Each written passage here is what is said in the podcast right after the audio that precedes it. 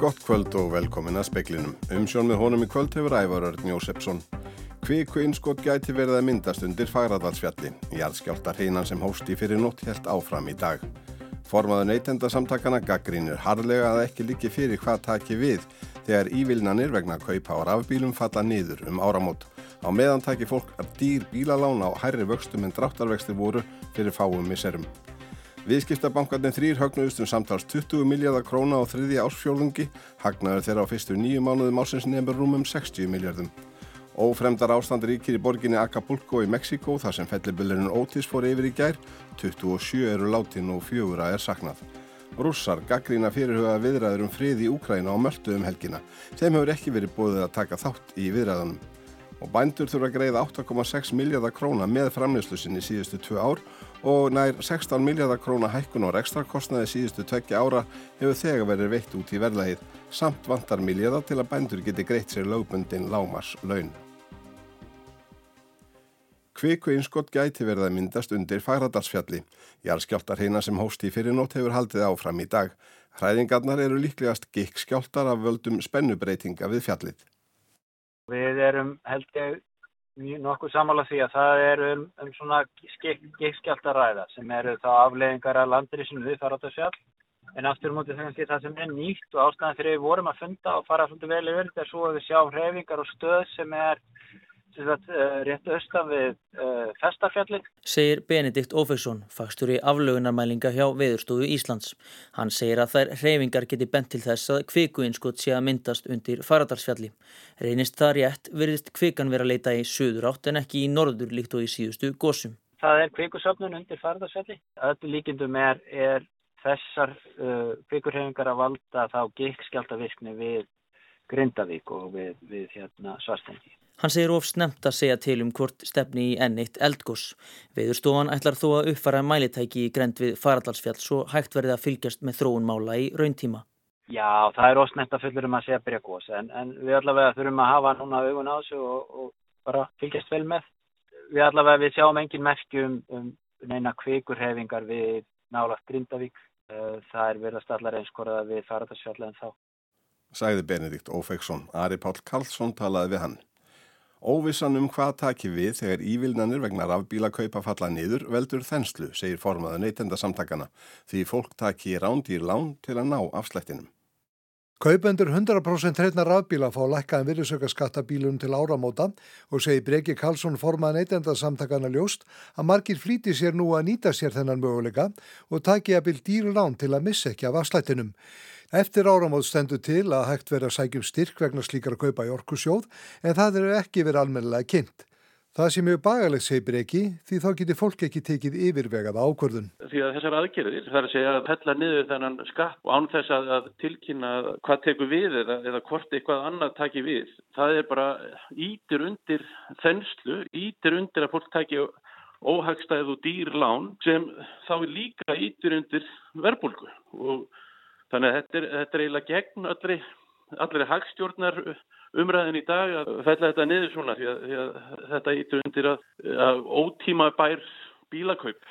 Þarna takist því á lofslagsmarkmið stjórnvalda og efnagasmarkmið. Það hefði því verið nöysilegt að kynna hvað tekur við. Því miður síni þetta stefnuleysi segi breki að fólk get ekki gert áallanir fram í tíman. Á meðan takir fólk óhagsta lán með kannski 14% af vöxtum auk gjalda til að missa ekki af afslætti sem er kannski ekki að fara. Þetta er náttúrulega alveg galið. Fyrir örfá missinum var, voru, voru dráttarvextir mun lægri heldur en bílalán, vextir á bílalánum er í dag. Sæði Breki Karlsson Haugur Holm sæði frá. Samanlagur hagnaður viðskiptabankana fyrstu nýju mánuði ásins namn 60 miljardum króna. Stóru viðskiptabankarnir þrýr skiluði allir uppgjöri fyrir þriðja ársfjörðungu í dag. Hagnaður landsbankans á fjörðungnum frá júli til september namn 7,9 miljardum króna, 2 miljardum meira en á sama tíma í fyrra. Á sama tíma hagnaðist Íslandsbankjum 6 miljardar og Arjónbankjum 6,1 miljard. Það sem aðver ári hefur landsbankin hagnast um 22,4 miljardar króna, umtalsvært meirinn í fyrra þegar hagnaðurinn fyrstu nýju mánuð ásins namn 11,3 miljardum. Hagnaður Íslandsbanka árunu er 18,4 miljardar og er á pari við árið í fyrra og það sama gildur um Arjónbanka sem hefur skilað 19,5 miljardar hagnaði það sem aðver ári. Samtals gerir þetta 60,3 miljardar krónar hagnað fyrstu nýju mánuðina.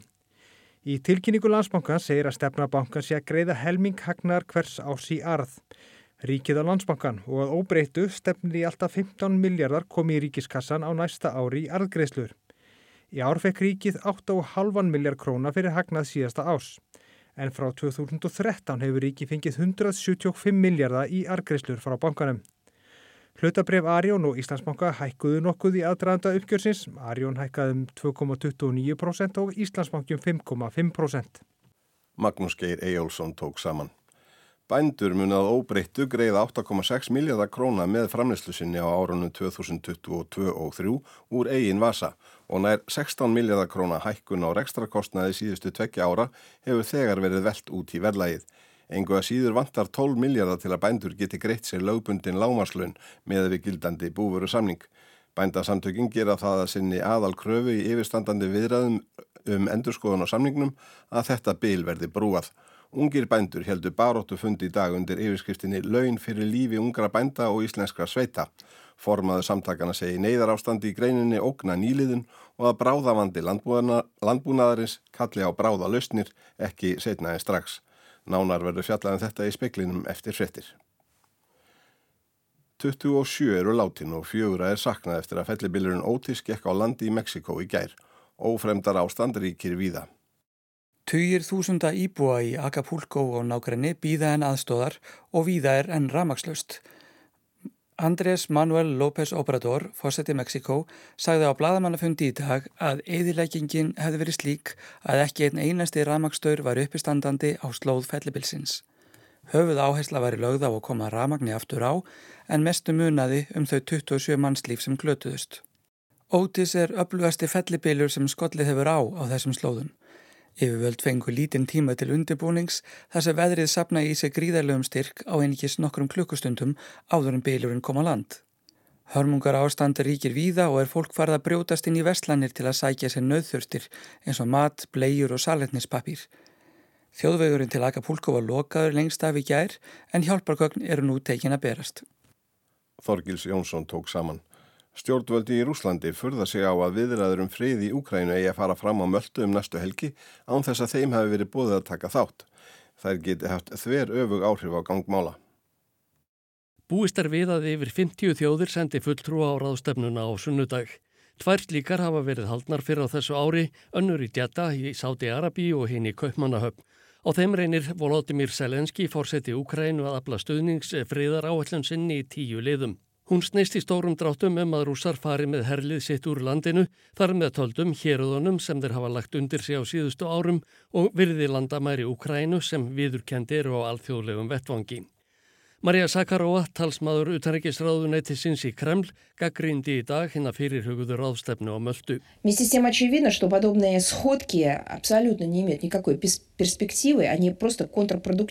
Það er augljósta samkomur sem þessar hafa engan tilgang og geta haft þver öfug áhrif á gangmála, sagðun, og gaggrindi stjórnvöld á möldu fyrir að hýsa ráðstefnuna. Rússar og úkræðinu menn búa sig undir erfiðan vetur. Stjórnvaldi kennugarði saka rúsneska einrásarliðið um sí endurtegnar árásir á raforkum mannvirki þeirra. Rúsneska þingið samþykti í dag stór aukin útgjöldi til herrmála á næsta ári. Þau verða 68% meiri enn í ár og nefna hátti þriðjungi af heldarútgjöldum rúsneska ríkisins. Áskei Tómarsson sæði frá. Hestur sem fannst dauður í eigðaþinká rétt við eigilstaði um síðustu helgi var ekki skotinn til bana samkvæmt bráðabera niðurstöðu dýralæknis. Þetta kemur fram í fæslu sem lauruglan á Ísturlandi byrti á Facebook. Eigandi hessins taldi að hesturinn geti verið með skot áverka og tilkynnti málið til lauruglu og matvælastofnunar. Vettvangur var rannsakaður og síni tekinn og bráðabirðaða niðurstöða bendir til þess að dýrið hafi ekki verið skotið. Íslenskur landbúnaður 2023 fjöldagjaldrótt handan við hornið.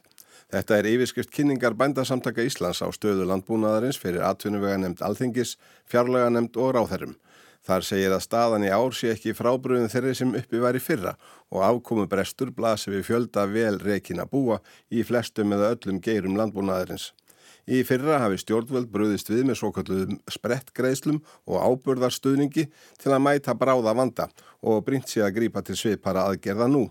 Í raun hafi afkoma bænda verið með öllu óviðunandi frá árunnu 2020 og þeir búið við stífa hagraðingar kröfu og afar stramt regluverk um velferð búfjár en lengur sem hvortvekja hafi kallað miklar fjárfestingar og þar með lántökur eins og Herdís Magna Gunnarsdóttir bóndi á eigi stöðum og varaformaðu bændasamtakana bendir á.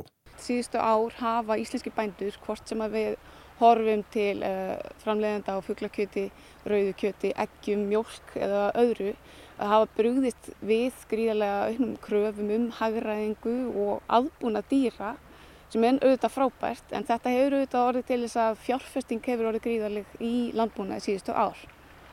Og núna uh, síðustu árin er heldar fjármarskostnaður landbúnaðurins aukist frá árum 2021 til 2023 um 7,9 miljardar Svo getum við auðvitað, ef við horfum bara mjölkina, þá vitum við það að það er, við síðustu 20 árin þá hefur framlegslu þörfin eða eftirspurnin aukist um að verða 50 miljónir lítra og það sem er æðislegt og er frábært og íslenski bændur bröðist hratt við. En við erum svolítið að sjá það að því að það er uppbygging þarna mikil fjárfesting áraunum 2015 til 2019. Það verður bæði skuldaukning og eignir aukast um 50% á þessum tíma og þetta er því góð ákvörðun sínum tíma og hérna mikið þörf fyrir þetta. Það er, hérna, gerir landbúnaðin, eða mjölkuframlýsluna samkennishæfari en við erum að sjá svo núna á síðustu þremur árum hefur fjármagnskostnaður á hvert framleita lítara farið úr 20 krónum í 35 krónur.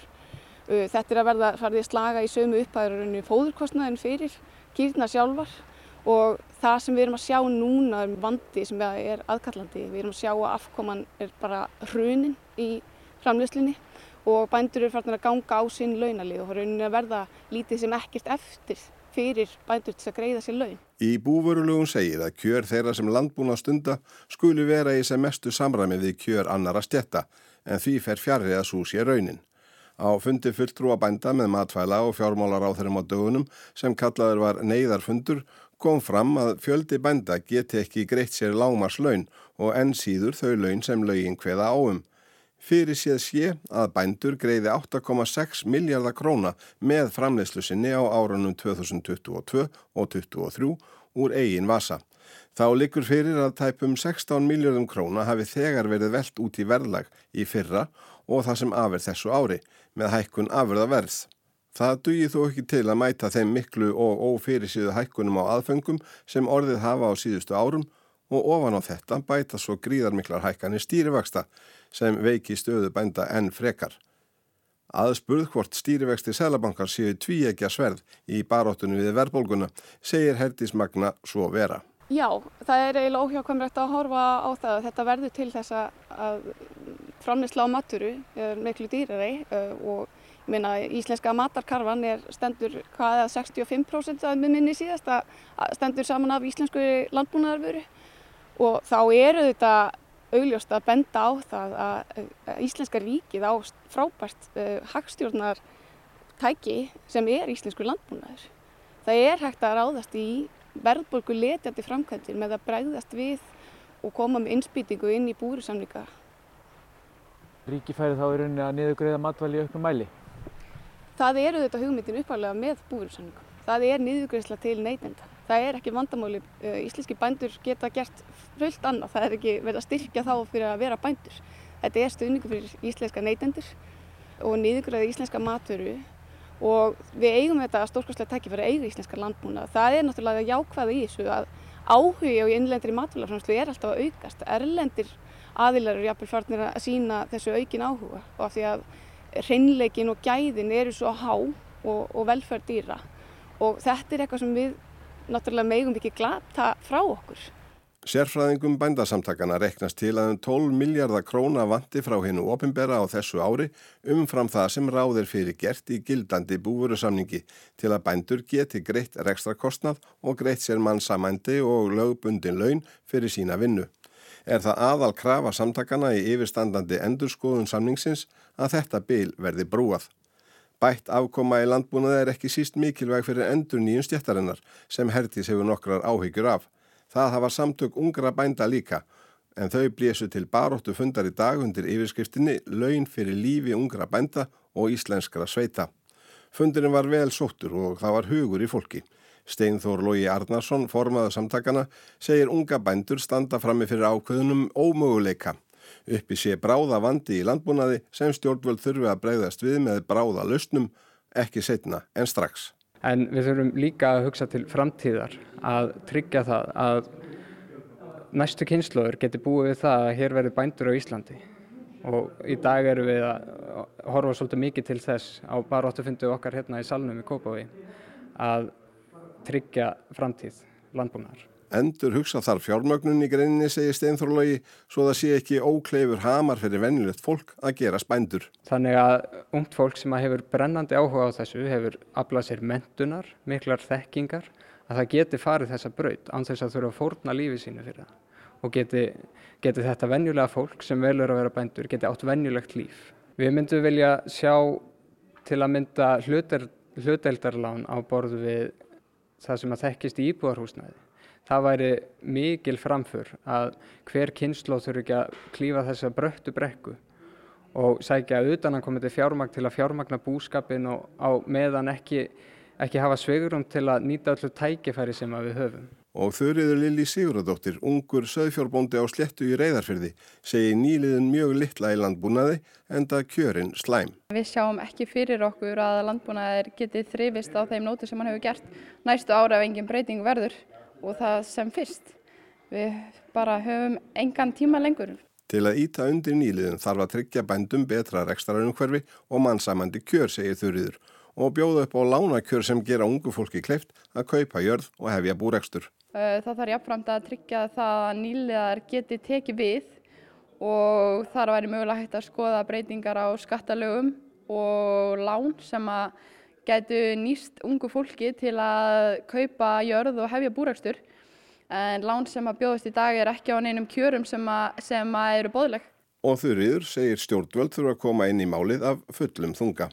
Ég gerir mig grein fyrir að þessi ekki endilega hægt að koma með ótakmarkaða fjármögnum inn í greinina en það er annað sem að hægt er að fara eins og eins og hægraðing innan afröðageirans og, og skoða þetta með lán hjá byggðarstofnun og annað sem á ekki að kosta mikla fjármunni og ætti að vera hægt að gera snögt og það er í rauninni bara politísk ákvörðun. Sæði þurriður Lili Siguradóttir. Áður heyrðum við í Steinþóri Loga Arnarsinni og Hertísi Mögnu Gunnarsdóttur.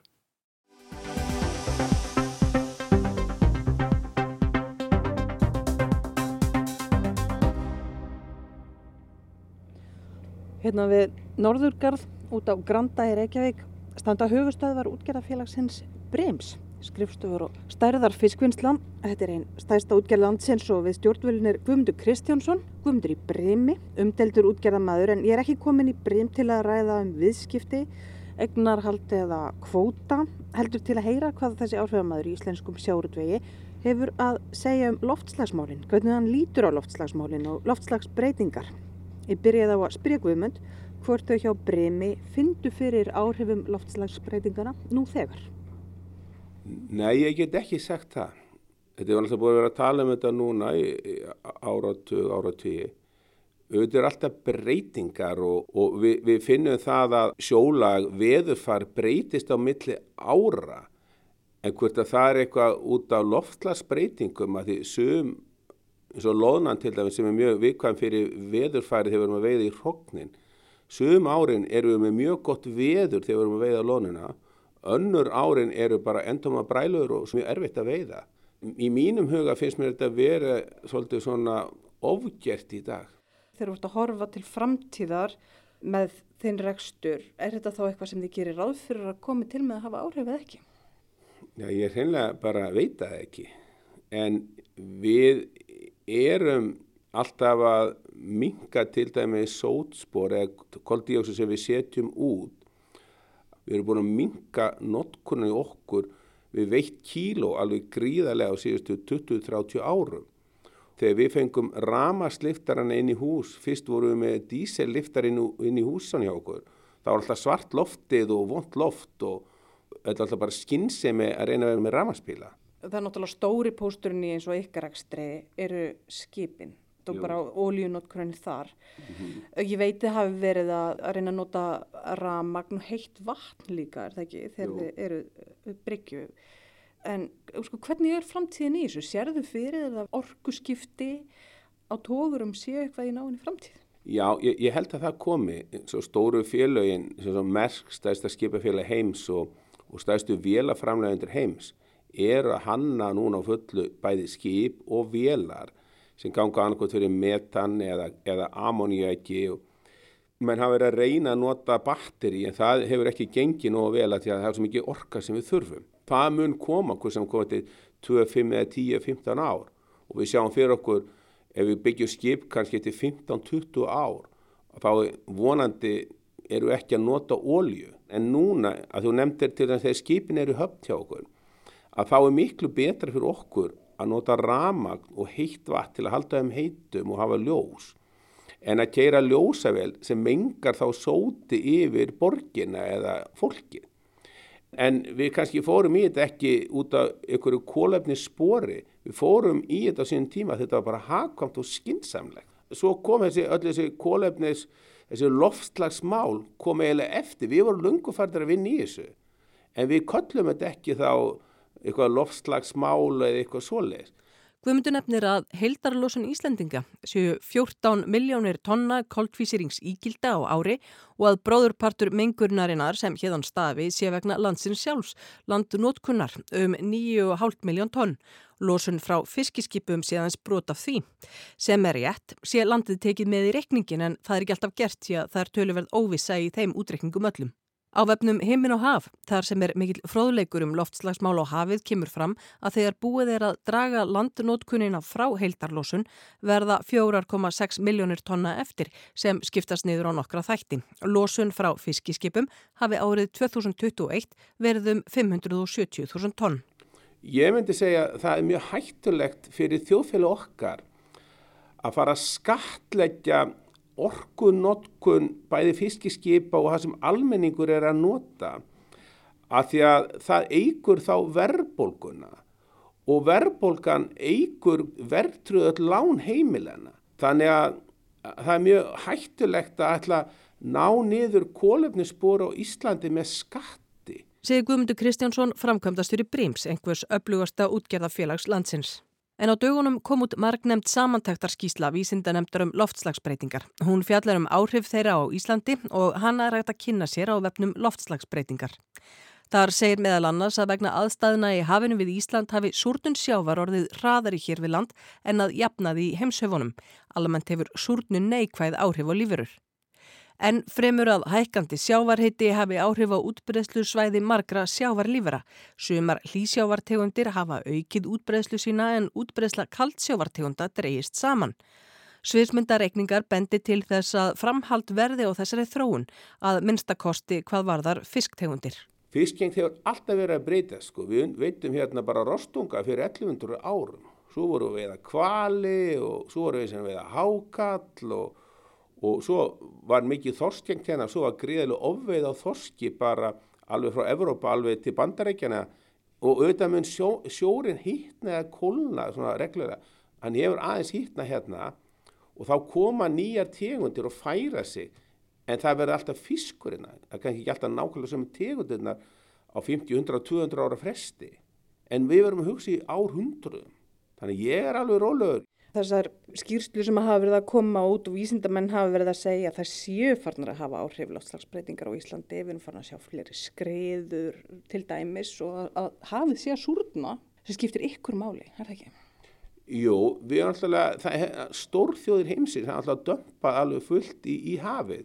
Auðvitað að taka mark á vísindamannunum og, og, og með, með súrnum sjáar og allt svoleiðis, en þá verðum við að taka á stórþjóðinu. Ég til þess hef, hef aldrei skilið Akkur öll herskip og, og herflugvelar er ekki inn í skráningakerfinu. Þannig að þegar kemur risa herskip hérna til Ísland þá er það með null mengun í skráningakerfinu. En svo er bondi kannski á Langanesi eða á Vestfjörðum sem á pick-up, diesel pick-up, þá har skatleggja hann uppur rjáfur að því hann er að minga svo mikið heiminum. Ég, ég bara kaupa þetta ekki lengur. Á heimasíðu Brims blasir við árs og sjálfbærni skýrsla félagsins. Þar segir að reynt sé að draga úr losun til lengri tíma er stemt að kólefnishlutleysi og sérstaklega stemt að því að draga úr losun í hlutfalli við þær tekjur sem að reksturinn skili. Brím er með margar starfstöðar, meðal annars á vopnafyrði, þar sem guðmundur stefnir að skórekt. Í bænum er unnin uppsjávarfiskur og vinslan er bundin við vertíðar. Fiskimjölsverksmiðan er orkufreg. Fyrir áratug var hún raforkuvætt og af því að hún er bara kerð á vertíðum gætt Brím keift ódýrari umfram orku af landsvirkjun.